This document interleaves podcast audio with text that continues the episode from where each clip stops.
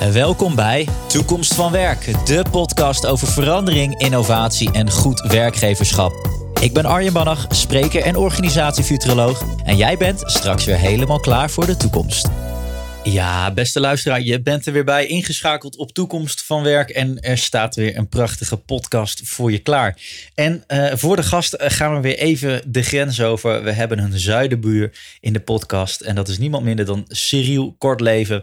Een collega van mij, internationaal spreker. En hij houdt zich bezig met een thema wat zeker in deze tijd ontzettend relevant is. Hij is namelijk een echte expert op het gebied van verandering en mindset. Over hoe wij eigenlijk door anders met onze gedachten om te gaan, anders naar dezelfde dingen te kijken, misschien meer beweging kunnen creëren, meer vernieuwing kunnen creëren, zowel bij jezelf als professional als in je organisatie. En dat is ook de mooie tweedeling die we eh, in de podcast gaan belichten. belichten. We gaan heel erg kijken wat doet juist deze tijd en waarin we meer dan ooit op afstand van elkaar gaan werken, waarin het werken anders uit gaat komen te zien. Wat doet die tijd nou met jou als persoon? En wat doet het met je organisatie? En hoe kan je juist nu ook het braakliggende terrein, wat er misschien wel is, ook gebruiken om te vernieuwen? Dus heel veel mooie inzichten. Uh, Cyril gaat echt praktische dingen met je delen. Een paar mooie best practices. Je gaat hier sowieso inspiratie uithalen. Uh, nog eventjes de uitnodiging, mocht je dat nog niet hebben gedaan, uh, abonneer je even op de podcast. En dan gaan we nu luisteren naar de podcast met Cyril Kortleven.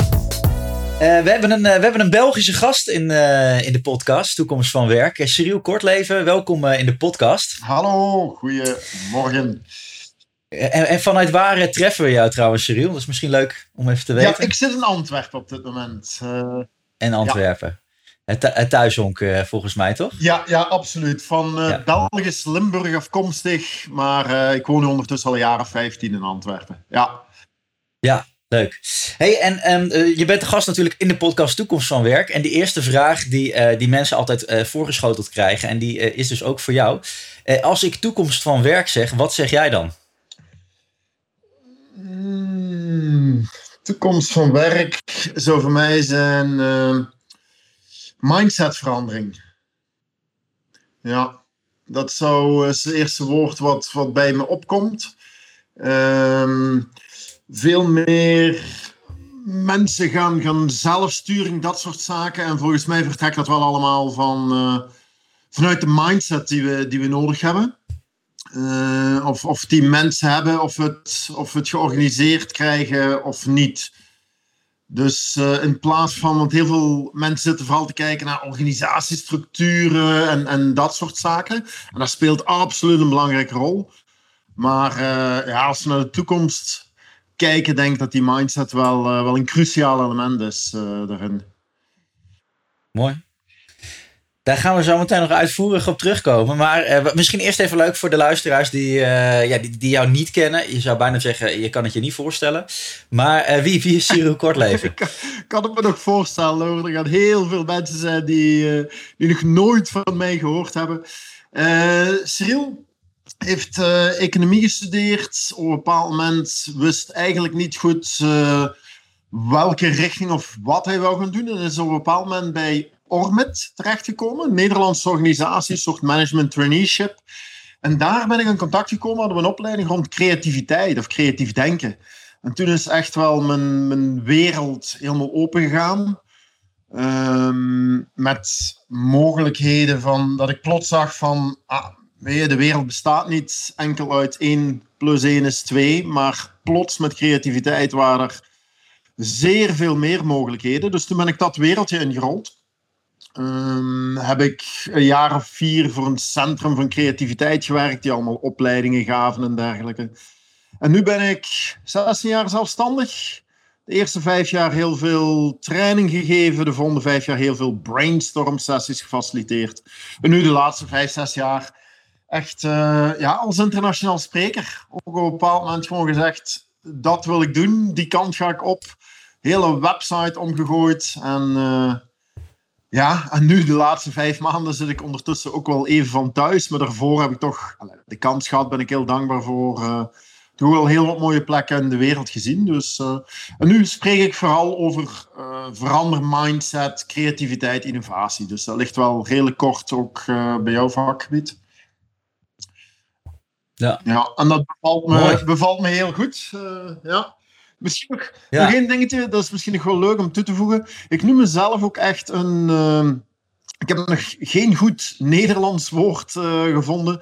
Maar een simplifier. Wat bedoel ik met simplifier? Je hebt de mensen die echt de, de thought leaders zijn, die de trends zien, die visie hebben.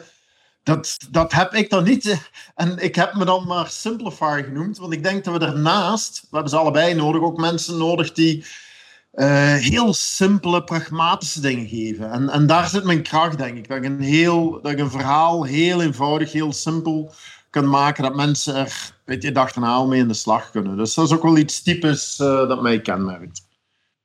Ja, ja, dat, dat is denk ik zeker als we het hebben over de materie, hè, waar, waar jij uh, noem creativiteit en mindset. Uh, dat, dat is volgens mij heel makkelijk om dat heel moeilijk te maken. Hè, maar juist andersom, uh, dat, is, dat, is, dat is de uitdaging. Hey, maar maar dat, dat, hey, dat stukje mindsetverandering en wat jij zegt, toekomst van werk, dat is natuurlijk ook waar jij nou, bekend om staat. Hè? Je hebt, je hebt de, de prachtige gevleugelde uitspraak: Don't mind change, change your mind. Ja. Um, en als we die even in deze tijd plaatsen, hè, want we zitten nu uh, zo, ja, komt er misschien nog een tweede lockdown aan corona. Um, maar in ieder geval, de, de, de, druk die dit op bedrijven legt is enorm. Um, en ik, ik, even, ik, ik dacht, we kunnen hem mooi uit elkaar trekken. Enerzijds als persoon, als professional, wat kan jij nou doen? Maar anderzijds ook als leider in je organisatie. Maar laten we hem eerst even op het persoonskenmerk pakken. Hoe kan het dat mensen zo moeilijk om kunnen gaan met verandering? Ja, het zit natuurlijk in de mens. Hè. Wij, zijn, wij zijn gewoontedieren. We houden van patronen.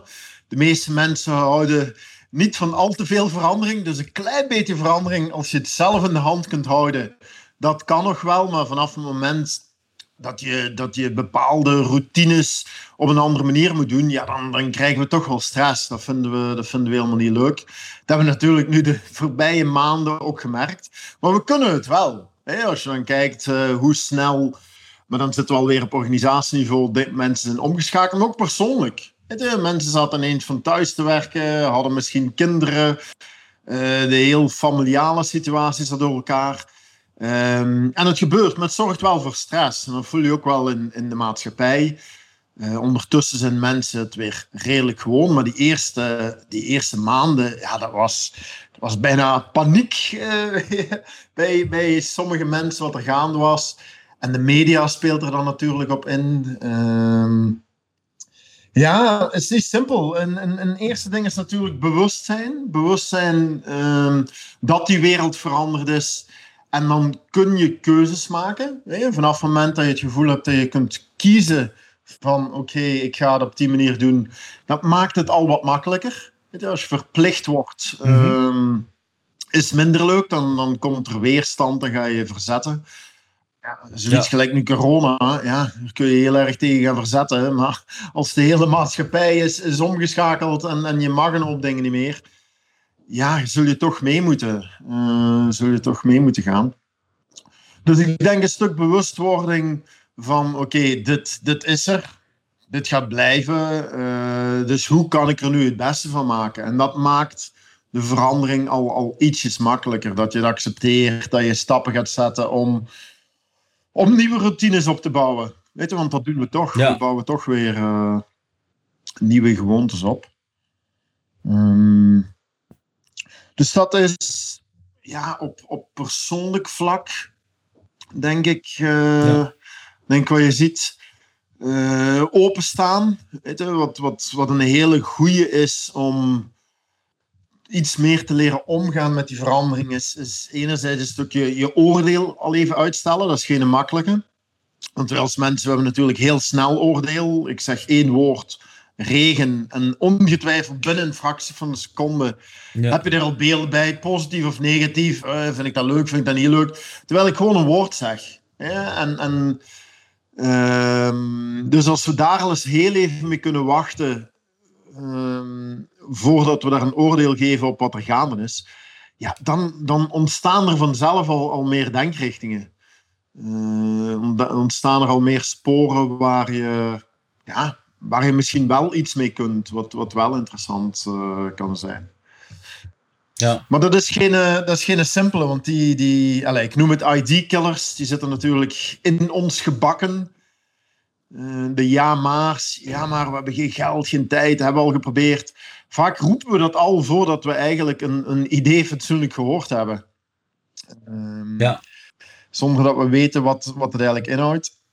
En dat zagen we nu natuurlijk ook. Ja, ik vind, weet je, corona, ondanks de, de heel negatieve dingen die er, die er gaande zijn, voor mij is het ook een van de grootste gedragsveranderingen wereldwijd waar we nu getuigen van zijn. Een soort experiment wat, waarbij je ziet dat sommige mensen die blijven in die, in die ja maar hangen, zeker de eerste maanden, terwijl sommigen heel snel geschakeld hebben en ook zitten kijken van ja, ja en, wat, wat zouden we wel kunnen doen? We zitten nu in die situatie. Ehm, en dit is wel boeiend om te zien. En het, geeft ook aan waarom ik bij het begin ook zeg, ja, de toekomst van werk, wat mij betreft zou het zelfs nog breder kunnen zijn, dat dat heel veel met mindset te maken heeft. Van, van hoe kijk je naar die wereld? Uh, hoe, hoe sta je erin? Um, ja. Ja. Nou, het, het, je, je, je, noemt, hè, als je het hebt over dat persoonlijke verandering, een aantal hele mooie zaken. En ik denk als je die onder elkaar zet, dat je gelijk bij een soort stappenplan hebt. Want het is allereerst uh, als verandering op je afkomt als professional, hè, dat stukje bewustzijn, weten dat jij in controle bent. Jij mag bepalen hoe je daarop, hè, dat zeg je ook, hoe je daarop kiest, wat je nu gaat doen. Uh, uitstel van oordeel, nou dat is iets wat we natuurlijk heel erg moeten trainen, maar uh, eerst een beetje zouden moeten verwonderen. En, uh, en dan vanuit daar, hè, die, die, mindset, hoe gaan we er nu het beste van maken? Want dat is ook vaak, hè, we zijn, voelen ons soms vaak slachtoffer van wat ons overkomt, misschien. Ja. Juist ook nu in corona. En, en je moet het beste, ja, hoe ga je die positieve realiteit kiezen?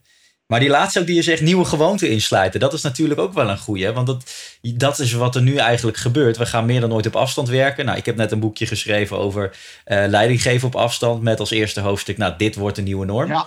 Um, en dat betekent ook nieuwe gewoonten. Heb je daar nog iets voor? Want dat is ook wat ja, elke luisteraar op dit moment zich uh, eigen moet maken. Hoe ga ik nou ja, van die nieuwe gewoontes of rituelen voor mezelf creëren? Hoe, hoe doe je dat goed? Ja, het, het gevaar is inderdaad dat ze erin sluipen. Weet je, dat je, dat mhm. je, uh, je moet je gedrag veranderen. Dus je, je gaat dingen op een andere manier doen. Soms dat bewust, soms dat niet, niet bewust. Maar vanaf het moment dat, je dat, dat daar een ritme in zit. Uh, op een bepaald moment denk ik, mensen, ik heb nu zelf geen kinderen, maar ik heb gehoord van op vrienden en dergelijke met de lockdown, dat de kinderen ook niet naar school komen. Ja, de eerste weken was het was gewoon chaos. En die moesten thuis leren, een thuisschool, dat soort zaken. Maar na een maand ongeveer, ja, zat er toch wel wat gewoonte in. Dat we in de ochtend van, van, van 9 tot 11 uh, eh, gaan we leren. Dan mogen jullie even spelen, dan gaan jullie dat doen. Um, en dat is oké, weet je, als dat werkt. Wat ik denk dat nog sterker is, is dat je misschien bewust een aantal keuzes maakt. Want dat is dan natuurlijk het mooie, omdat onze wereld helemaal op zijn kop staat, zijn er niet onmiddellijk bepaalde gewoontes. Dus eigenlijk is het ook een unieke kans om te zeggen van, ah maar wacht eens even, wat ik vroeger eigenlijk niet meer zo leuk vind, kan ik dat nu meepakken? Kan ik dat in het nieuwe verhaal wat ik nu ga neerzetten, uh, zou ik kunnen zorgen dat ik dat niet meer doe? Eh, ik roep me even iets. Uh, wie weet dat je de gewoonte op kantoor. Ja, ik ga een sigaretje altijd roken. Ja, ik zit nu niet meer op kantoor. Weet je, wie weet kan ik van die gewoonte ook zeggen: oké, okay, daar, ga ik niet mee stoppen. Ik neem nu een heel bewuste keuze om, om daar ook een slag in te maken. En dat gaat makkelijker als heel wereldje anders is. Hè? Want je zit eigenlijk terug op een nieuw, op een nieuw speelveld. En het gevaar is weet je, moet je niet alles tegelijk gaan veranderen. Dat, dat, dat geeft dan weer iets te veel stress. Maar je zou wel eens heel bewust kunnen, kunnen nagaan van... Oké, kijk, er ligt een nieuw speelveld. Wat, wat zouden de gewoontes kunnen zijn die ik nu wil ontwikkelen? Of, of bepaalde dingen die ik niet meer wil doen? En dat gaat dan wel iets makkelijker zijn. Want als je echt in je dagelijkse sleur zit, is het moeilijker om dat soort zaken eruit te halen. Omdat er gewoon bepaalde triggers zijn die zorgen dat je iets gaat doen. Maar die triggers zijn nu ook weg. Dus ja, wat zou je nu kunnen doen? Ik heb van heel veel mensen gehoord, die zijn, uh, die zijn echt gaan sporten. Tijdens, die, die zijn beginnen met looptrainingen, die zijn dat allemaal gaan doen. Omdat ze zeiden, ja, ik heb nu niet meer de reistijd naar mijn werk. Ik neem die tijd nu om een wandeling te gaan maken, om dat te gaan doen. Ja, dat zijn mooie dingen. En dat zijn volgens mij heel bewuste keuzes. Uh. Ja, Ja, dat is mooi. Want dat is misschien juist ook wel het, uh, de kans die in deze fase schuilt. En dan, dan hebben we natuurlijk ook genoeg kansen voor organisaties. Maar als we het hebben over hè, professionals, uh, mensen zelf. Uh, en die, ik vind een prachtige vraag die even neer die, die wil ik graag nog even terughalen. Wat wil ik nu juist of wat wil ik nu niet meer doen? Juist niet meer doen. Uh, stel je die vraag is, want wat je zegt inderdaad, er is een nieuw speelveld. Je zou braakliggend terrein kunnen zeggen, want er moet heel veel opnieuw opgebouwd ja. worden voor je thuiswerken, voor hoe je je werk doet in je organisatie. Ja. En als je voor jezelf duidelijk inderdaad een keuze maakt van ja, dit wil ik graag doen of juist niet meer, dan is de kans nu waarschijnlijk veel groter dat het je gaat lukken dan als corona niet was gekomen. Is dat zo? Ja. daar ga ik helemaal. Uh Wacht, ik had juist schot er nog even iets op mijn hoofd van. Uh, we hebben inderdaad dat nieuwe speelveld. Je hebt, je hebt uh, mogelijkheden. Wat, wat ik daar wel een belangrijke vind, dat is nog wel, wel een mooie. Gun jezelf ook even reflectietijd. Gun jezelf ook even de rust. Want heel vaak lijkt het ook van ja, je moet proactief zijn en je moet onmiddellijk omschakelen. Te snel mm -hmm. gaan is denk ik ook niet goed. En misschien een persoonlijk voorbeeld wat ik heb meegemaakt met, met professionals in, in, in ons wereldje. Weet je, mensen die, die ook leven van, van het spreken, professioneel sprekers en trainers. Wat ik zag is van toen, uh, ja, in die bewuste week, het zal ergens met maart geweest zijn, zagen heel veel mensen al een opdracht ineens verdwijnen. Zag ik een aantal ja. mensen die gewoon de dag daarna waren die al bezig. Ja, en ik ga nu alles doen, online trainingen, en ik ga mijn heel verhaal helemaal omzetten. En werd gewoon plat gegooid. De eerste maand ben ik gewoon... Ja elke dag kreeg ik wel tien meldingen dat ik gratis webinars en alles kon volgen. En ineens was iedereen expert. Dat ik zelf iets had, ja, maar wacht eens even, wil ik dit wel? Is het, is ja. het wel mijn ding? En wat grappig was, ik denk dat ik toen een, een LinkedIn-blogje geschreven heb. Met, uh, had ik die curve van, van Theory Weet dat je eerst even door, door de put moet ja. gaan en, en dan naar boven gaan dat ik ook zei van ja, blijf maar eens heel even in die put. Blijf maar eens heel even, voel maar eens heel even wat, wat dat negatieve is. En je hoeft niet onmiddellijk, want ik had het gevoel dat heel veel mensen vanuit een soort paniek snel nieuwe dingen gingen neerzetten. Maar ja, voel even of dat klopt. Weet je, is, is dat ja. wel jouw ding? En dat bedoel ik met gun jezelf ook wat, wat reflectietijd. Hoef jij morgen niet helemaal omgeschakeld te zijn, maar voel even wat, wat is dat dan? Wat zouden die nieuwe gewoontes kunnen zijn die ik op dat braakliggend veld wil ontwikkelen? En dan neem een keuze vanuit ja, wat je dan in, in het organisatieleven de waardes noemt, maar die heb je ongetwijfeld ook. Weet je, voor jou, wat, wat is voor jou belangrijk? Ja. Is vrijheid belangrijk? Is gezondheid belangrijk? Is, en maak keuzes op basis van die waardes. Uh, wat ik niet wil zeggen is dat je vijf maanden in een hoekje moet gaan zitten, zitten huilen. Dat is het ook niet. Maar je mag wel even met dat verdriet blijven. Je mag wel even met die, met die spanning zitten. Er, er is niks mis mee. Ja,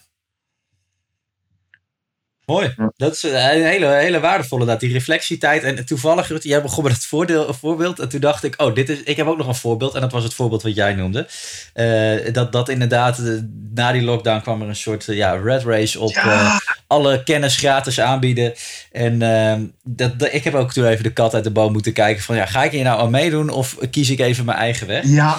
Um, en ik ben blij dat het de tweede is geworden. Maar dit is wel heel mooi. En uiteindelijk ook gewoon goed bij jezelf nagaan van wie ben ik, wat vind ik belangrijk in je leven. Die waarden die je noemt, die hebben, ja. hebben, hebben, organisaties. Maar eh, ja, misschien heb je jezelf voor jezelf als persoon niet zo duidelijk opgesteld. Maar je kan wel gewoon bij jezelf te raden gaan. Wat vind ik nou belangrijk? En hoe kan je dat zorgen dat je dat nu in je leven, eh, ondanks die gekke periode, toch voor elkaar krijgt? Check, mooi. Hey, en, en serieus, als we even het stapje maken in organisaties. Hè? We kijken even naar medewerkers. Naar, stel je hebt een leidinggevende functie of je hebt collega's. Um, ook daar moeten mensen meegaan in die tijd, in verandering. Maar is lastig. Hoe, hoe, zorg je toch dat ze die change mindset omarmen? Wat kan je daar bij andere mensen eigenlijk voor doen? Ja, ja ik denk zeker nu, als we een heel even die lockdown pakken je zag daar een heel groot verschil. Weet je. Bijna iedereen was, was thuis in het werken, zeker alle kenniswerkers, wat het mogelijk was. En dan merkte je wel een heel groot verschil. Sommige mensen vonden het helemaal zalig. Die, vonden, die, die voelden zich als een vis in het water. Ze werden niet meer op de vingers gekeken door de baas. Terwijl anderen, mhm. en dat waren dan vaak uh, mensen die dan nog een heel gezin hadden, waar het toch wel een stuk moeilijker te organiseren was. En die moesten dan echt in de avonduren hun werk gaan doen. Dus ik denk als leidinggevende check allereerst al eerst wat is de persoonlijke situatie van, van de mensen. Weet je, één, één ding voor, dat voor allemaal werkt, ja, dat klopt niet. Weet je, gaat waarschijnlijk wel een paar scenario's uh, nodig hebben. Dus ik denk dat als een keer goed luisteren van waar hebben zij behoefte aan, waar lopen zij tegenaan. Uh, sommige mensen kon je heel makkelijk loslaten, daar hoef je weinig voor te doen.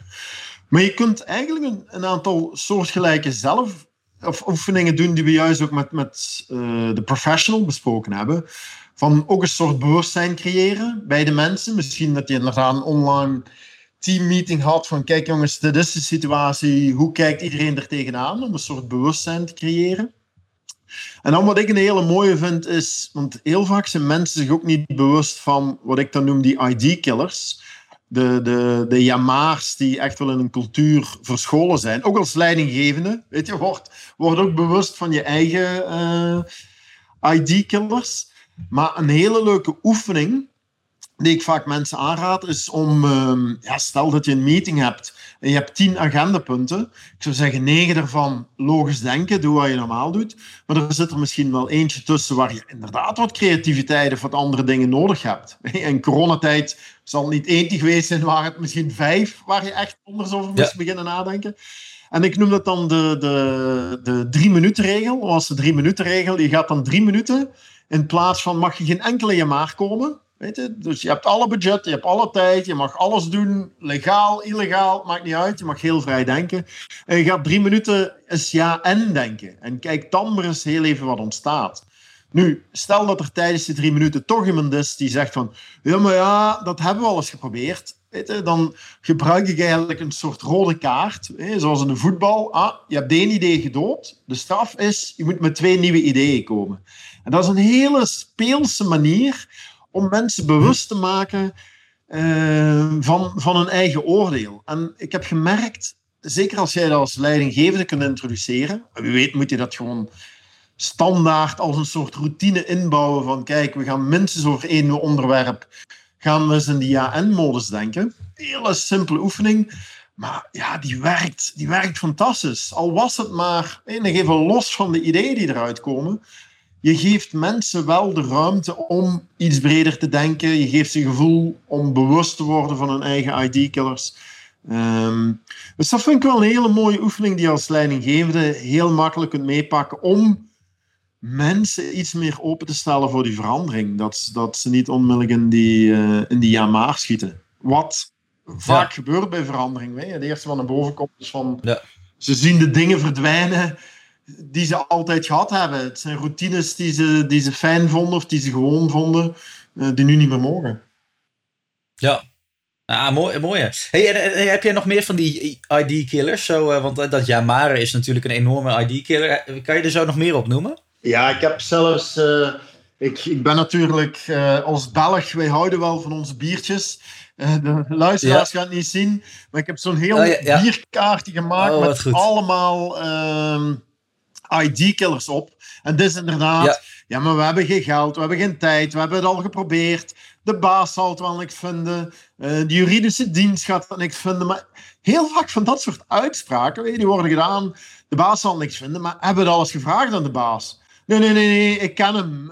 Uh, die gaat er niks vinden. Dus het idee krijgt zelfs geen levenskans. Heel vaak ja. stoppen we al ermee. En het leuke is, in elke industrie is dat weer anders. Je budget en tijd, die vind je overal, die komen overal terug. Maar als je eerder gaat kijken naar uh, universiteiten, R&D, daar komt dan heel vaak van, ja, maar we hebben meer onderzoek nodig, we moeten dat nog uittesten. Dus die, die gaan heel erg op die controle zitten, waarbij de, de MKB's, die zitten van, ja, maar we zijn te klein, we hebben, we hebben geen resources. Terwijl de grote bedrijven juist zeggen, ja, maar we zijn niet flexibel genoeg. Hè? Dus het leuke is, elke er is altijd wat. verzint zo zijn eigen En die ontstaan in een cultuur. Hè? Maar als je, als je daar bewust van kunt worden, uh, dat, is, ja, dat, dat helpt dan wel al. Uh, ja.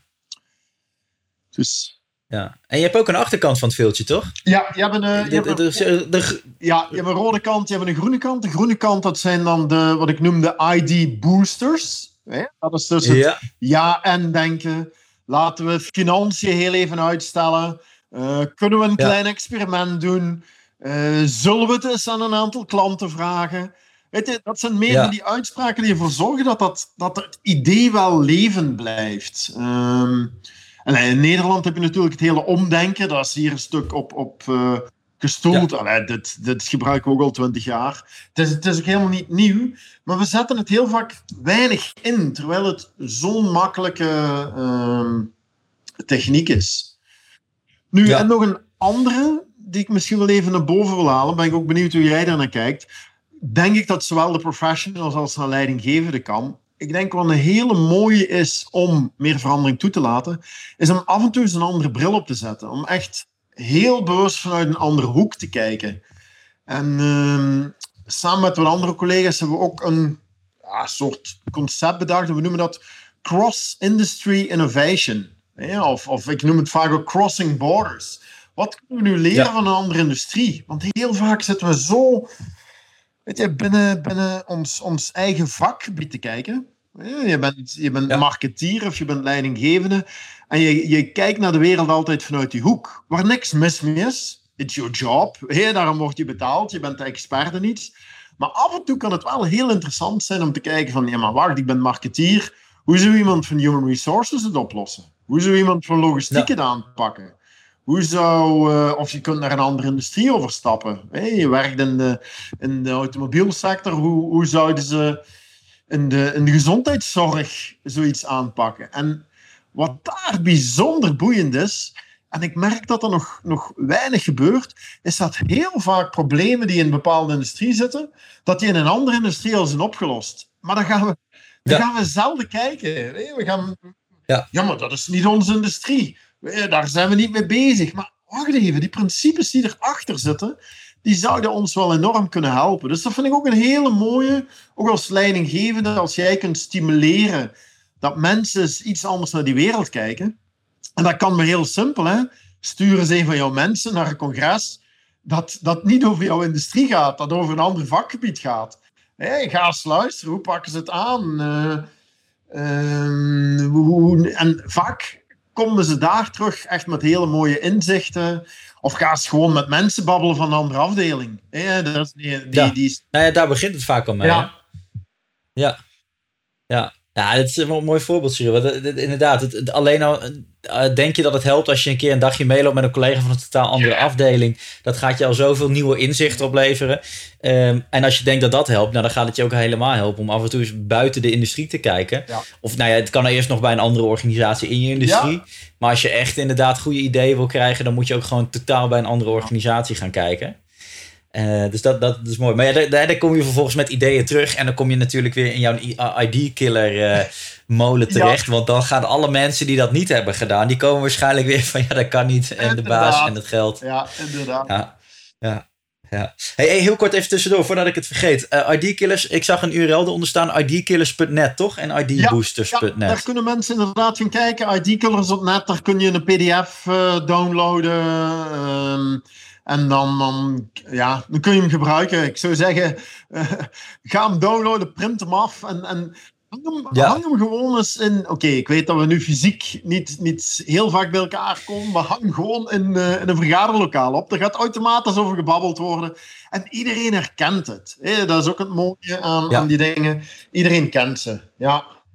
Ja, ja, precies. Je kan ook echt eens tijdens je meeting, want dat is wel heel erg leuk als we het hebben over vernieuwing hè, in organisaties. En in hoeverre zijn wij nou ook echt met elkaar uh, uh, bereid, of, of kunnen we dat ook echt daadwerkelijk, die verandering uh, doormaken?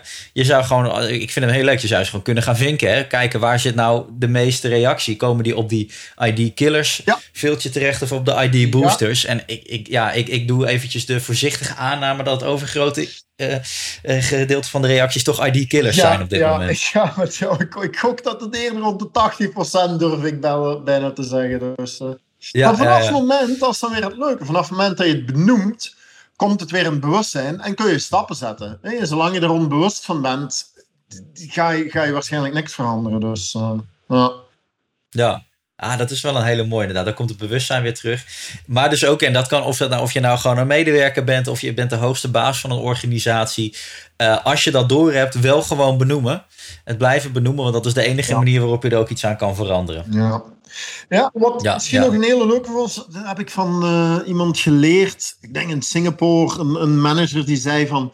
Want dat is jouw rol als leidinggevende, is erin cruciaal. Vanaf het moment dat een medewerker met een nieuw idee bij je komt en jij geeft een ja maar, ja, wat stimuleer je dan? Ja, die medewerker die gaat misschien nog, nog één keer terugkomen, maar dan heeft hij zoiets van, ik moet niet bij mijn baas zijn, want, want die zegt toch ja maar. Dus voor jou als leidinggevende is nog belangrijk. Je zou eigenlijk bijna altijd moeten terugkomen, en dat was wat die manager zei, als iemand met een probleem bij mij komt, ik stel altijd de vraag, ja, en wat zijn jouw ideeën om het op te lossen? En dat lijkt heel simpel, maar wat doe je daarmee? je, je koppelt het onmiddellijk terug. Je, je zorgt dat die medewerker ook in een stand komt van ik kom hier niet alleen maar klagen en een ja maar brengen. Uh, ik ga automatisch, als ik bij de baas kom, moet ik eigenlijk al twee alternatieven klaar hebben liggen. Dus dat is ook een hele mooie om, om dat te stimuleren. Ja. Ja, mooi. Ja, echt, echt jezelf daar ook op, uh, op letten, of, of bij jezelf erop letten dat je dat inderdaad doet. Dat je die eigenlijk alleen maar ID-boosters gebruikt. Ja, als leidinggevende al helemaal. Ja, hey, en, en Cyril, hè, dat, het laatste stuk wat ik nog leuk vind om heel eventjes met, uh, met je kort over te hebben. Uh, je hebt er ook een, uh, een online masterclass over opgenomen bij het grootste kennisfestival. Ja. Crossing Borders. Um, hey, je zei het net al een beetje, dat gaat over verder kijken dan de muren van je organisatie. kan je even kort uitleggen waarom dat juist nu belangrijk is en hoe je dat ook vooral op dit moment goed doet? Ja, um wat je ziet, we zitten op, op dit moment met, met zoveel uitdagingen en problemen dat, dat ik het gevoel heb dat het vaak niet binnen het, binnen het eigen boxje kan opgelost worden. Dat we, dat we echt wat, wat verder moeten kijken. En zoals we al een paar keer zeiden, dit is het ideale speelveld. We, zitten nog midden in die corona. Er kan op dit moment veel veranderd worden. Zowel in persoonlijk gedrag, maar ook op organisatieniveau. Dit is het moment om misschien juist een paar grotere uitdagingen aan te pakken. En dan is het wel van belang om dus ook iets breder te gaan kijken dan louter je eigen organisatie. Wat gebeurt er in mijn industrie? Maar misschien zelfs eens lef te hebben om, oké, we gaan af en toe eens ook heel even piepen wat, wat er buiten gebeurt. Wat ik een fantastisch mooi voorbeeld vind, en dan snappen mensen denk ik ook onmiddellijk wat ik bedoel met, met crossing borders. Um, in Nederland, jullie hebben dat merk uh, Van Moof, weet je, de, de fietsen dat, dat heel sterk is, uh, superkwaliteit. Maar dat zijn natuurlijk ook redelijk dure fietsen. Die hadden op een bepaald moment hadden zij, uh, hadden zij echt het probleem van, omdat zij fietsen over heel de wereld uitstuurden. En vooral richting die, de US hadden ze het probleem dat heel vaak van die fietsen beschadigd aankwamen. en dat was, dat was toch wel een probleem, want die klanten waren niet blij, dure fiets gekocht, die is beschadigd, die moest teruggestuurd worden, allemaal kosten. Uh, dus zij zijn van alles gaan doen binnen hun, hun wereld gaan kijken. Ah, we gaan babbelen met die transportmaatschappijen. Want het gebeurde blijkbaar in die transportmaatschappijen. Dat die jongens en meisjes, ja, die pakken die doos, die gooien die in die vrachtwagen. En daar gebeurde de meeste schade. Gaan babbelen met die partijen, maar dat, dat bleek allemaal niet te helpen. En op een bepaald moment zijn ze heel bewust gaan kijken naar andere industrieën. Waar wordt nog dure producten uh, verzonden. En um, een leuk voorbeeld was van, die uh, grote schermen, grote televisieschermen. Die worden nog over heel de wereld verzonden, maar die komen wel goed aan. Dus wat hebben ze gedaan? Ik vind het een geniale oplossing. De nieuwe verzenddozen van uh, de Van Mol fietsen. Dat lijkt alsof het een televisie is. Dus er staat op die kartonnen doos staat zo'n televisiescherm met zo'n fietsje in. Er zit helemaal geen televisiescherm in. Maar wat blijkt is dat zij uh, 80% minder beschadigingen hebben. Gewoon door een verpakking anders, anders uh, vorm te geven. Dan denk ik van wauw, subliem. Weet je, dat is voor mij een les van hoe, hoe doen anderen dat dan? En, en met een heel simpele oplossing kun je, kun je dan uh, dat doen. De vraag is dan, kijk, heel vaak gaan we al kijken naar een industrie. Wat hebben we gemeenschappelijk met die industrie? Dus dat zijn al een paar mooie dingen.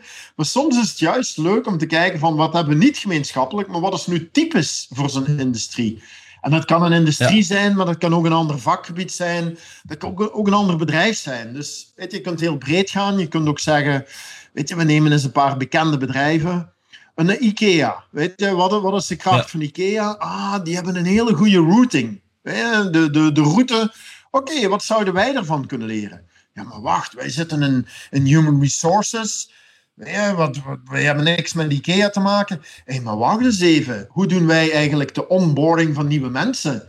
Oh ja, dat gebeurt. Hey, kunnen we daar een hele goede routing voor maken? Dat mensen sowieso als nieuw zijn in de organisatie in de eerste maand zorgen we ervoor dat ze met iemand van elke afdeling gebabbeld hebben. hey, ja, dat zou nog wel eens interessant kunnen zijn. Dus wat je doet, is je haalt eigenlijk inspiratie echt uit wat andere vakgebieden. En dat hoeft niet, dat hoeft niet heel moeilijk te zijn. Hè? Het hoeft geen proces te zijn dat je met die keer gaat babbelen. Nee, gewoon, je zou er al gewoon eens over kunnen nadenken van... Oké, wat is een typisch element uit zo'n industrie, uit zo'n bekend bedrijf, uit een ander vakgebied? En, en wat kunnen we daaruit halen? Uh, ja, mooi. Ja, dit, dit, zijn mooie voorbeelden. En, en, wat de, de laatste die, die, die je nog even deelt, is natuurlijk ook heel treffend bij deze tijd. Ik zag toevallig uh, van de week nog een uh, berichtje binnenkomen dat ontzettend veel bedrijven die de afgelopen maanden nieuwe mensen hebben aangenomen, heel veel moeite hebben om die te zorgen dat die ook een beetje betrokken blijven, engaged zijn. En dat heel veel mensen, schrikbarend hoog percentage, ook alweer weggaat, omdat ze juist geen goede onboarding krijgen in deze tijd. Dus uh, ga naar Ikea, kijk hoe ze daar de route lopen. ja. Ik vind het mooi. Ik vind het mooi. Ja, dus, dus, dus durf vooral eh, naar, naar andere organisaties te kijken. Kijken hoe zij het doen. En het hoeft niet eens bevooroordeeld. Hè. Ga gewoon met een open blik daar naartoe. En kijk wat je daarvan kan leren. Ja. Ja. ja. En dan Gaaf. misschien nog een het laatste stapje. En dan heb je eigenlijk ook het, het, het, het, grote verhaal wat, wat ik normaal breng. Ik heb, ik heb drie stappen in, in mijn verhaal rond de verandermindset. Hm. Ik noem het yes and act. Yes is dan dat uitstel van oordeel. En is kijk eens naar de wereld met een andere bril. En wat zou er nog allemaal kunnen zijn? En die laatste stap die ik vaak nog meegeef is van uh, de act. En act is inderdaad ja, heel simpel. Kom in actie. Weet je, probeer dingen te doen. Heb lef. Dat is iets, ja, dat zie je ook weer. En daar is allez, corona, we kunnen er ook enorm veel van leren. Laten we dat ook alstublieft doen. Ehm, de, de actiemodus van organisaties uh, die je gezien hebt. Ja, op, ik weet dat in sommige bedrijven waar ze al jaren en proberen om meer digitaal te gaan werken. Ja, corona komt langs, één week tijd en de hele wereld is digitaal. En je denkt van, hoe kan dit? Hoe is dit? Het moet enorm frustrerend geweest zijn volgens mij voor mensen die al heel lang aan die karren trekken waren om te zien van, ja, maar kijk, nu gebeurt het ineens, op een week is, is de hele wereld veranderd. En dat was eigenlijk een heel mooi voorbeeld. Je hoorde het ook in de gezondheidszorg, dat zij zeiden van, jongens, het is nu alle hands aan dek. Dus we gaan nu niet, we hoeven niet alle protocollen te gaan volgen. We gaan gezond verstand weer volgen. Want als wij in een dag moeten wachten om toelating te hebben dat uh, dat iemand uh, ons kan mogen helpen, ja, dan zijn er ondertussen drie patiënten dood. Dus wat we gaan doen is gezond verstand. We geven iemand een mini-opleiding en die kan ons ondersteunen. Ja, ik hoop dat we dat kunnen vasthouden. Dat we kunnen zeggen van kijk, een aantal van die procedures, ja, die werken niet meer of die zijn niet meer efficiënt op dit moment. Uh, laten we actie durven nemen op, op kleine manieren. Laten we dingen gaan uittesten. En, en, en als het werkt, ja, dan gaan we het behouden. Uh, dat is toch wel ook een cruciale, ook als leidinggevende, geef jij die optie dat mensen mogen die af en toe eens iets uitproberen. Op, op klein niveau. Um, ja, ik noem, dat, ik noem dat zelf noem ik het een nano-actie. Weet je wat is een nano-actie? Je hebt ja. één uur de tijd en je hebt 10 euro. Weet je waarom die twee? Omdat dat de twee grootste ID-killers zijn. We hebben geen geld, we hebben geen tijd. Iedereen kan wel ergens 10 euro vinden en iedereen kan wel ergens een uurtje tijd vinden. Dus in plaats van die tijd te spenderen aan plannen en procedures, nee, neem een actie. Weet je, die actie moet binnen het uur uitgevoerd worden. Ja. En eh, weet je, bel, bel eens een klant op en, en, en, en vraag: kijk, wat bij dit idee zou dit iets zijn? Als die klant zegt, oh, ik ben wel enthousiast, oké, dan nemen we de volgende nanostap en de volgende nanostap. En op die manier ga je volgens veel sneller vooruit. Dat is natuurlijk het hele principe van agile working en, en dat soort dingen. Ja. Wat het leuke is, je kunt dat bijna op elk niveau gebruiken. En, en dat maakt het wel weer even nieuw. Of dat, dat kennen mensen vaak niet. Ja, Ah, ik vind hem leuk. Ik vind hem leuk. Ook het uurtje en daarna moet er ook iets gedaan zijn. Hè? Dus Ja. dat betekent dat je niet eh, in plannen mag zijn eh, blijven hangen. Maar ook echt eh, na het uur een concreet resultaat. Kijk maar eens wat er gebeurt. Hè, sowieso interessant hè? als je met z'n tien in een meeting zit. Tien keer een uur. kijken hoe nuttig die Ja. meeting is. En hoe nuttig het zou zijn als iedereen dat nano, die nano-actie van jou onderneemt. Kijken wat meer waarde oplevert. Ja, leuk. Leuk. hey, eh, Cyril, we gaan naar het einde van de podcast. Ehm, en eh, ik sluit altijd af met, eh, met, met, nog een... eh, nou, laat, laat ik eerst vragen. Heb ik nog iets, iets, iets, niet gevraagd aan jou? Had ik iets moeten vragen wat ik niet heb gedaan? Hebben we nog iets niet aangeraakt, even kort? Nee, ik denk dat we heel wat topics besproken hebben. Ehm, nee, volgens mij ehm, ja, heb ik de belangrijkste dingen die, die ik wou meegeven. Een paar tips en dergelijke heb ik meegegeven. Dus helemaal Ja. goed. Nou, zo voelt het ook. Er zitten hele mooie dingen in. Dan de, eh, dan de vraag, eh, de- de- mijn laatste vraag. En dat is, eh, heb jij nog iets van een mediatip? Een boek wat we ge- gelezen moeten hebben. Behalve natuurlijk de change mindset van jezelf. Ehm, iets wat we gekeken moeten hebben. Een TED-filmpje. En noem maar op. Ja, wat ik nog altijd een superkrachtig boek vind. Dus nu denk ik wel al een paar jaar oud, maar ik, ik word er nog altijd heel blij van. Is Made to Stick, de plakfactor. Ik weet niet of je die kent van eh, Ja, ja zeker. Dan en Chip Heat. Vind ik, vind ik een super boek. Dus in het boek gaat het vooral over dat. Hoe komt het nu dat bepaalde ideeën, bepaalde boodschappen, iedereen kent ze? Ook al, ook al is het Ja. niet waar. Weet je, ook al, eh, Ja, ja, ja, Jullie noemen dat heel mooi broodje aardverhalen. Dat, dat kennen we in België Ja. niet. eh, De urban, de urban legend.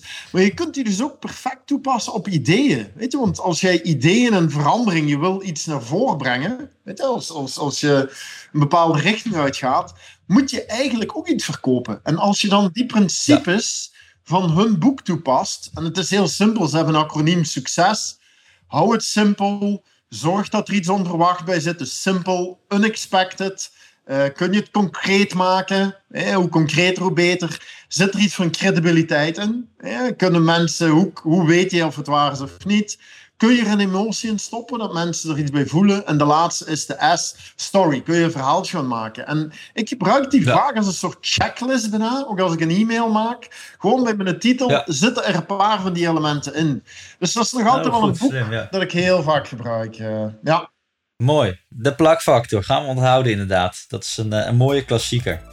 Tof. Nou, dan zijn we door de tijd heen, eh, Cyril. Mag ik jou hartelijk danken voor je bijdrage. Heel graag gedaan.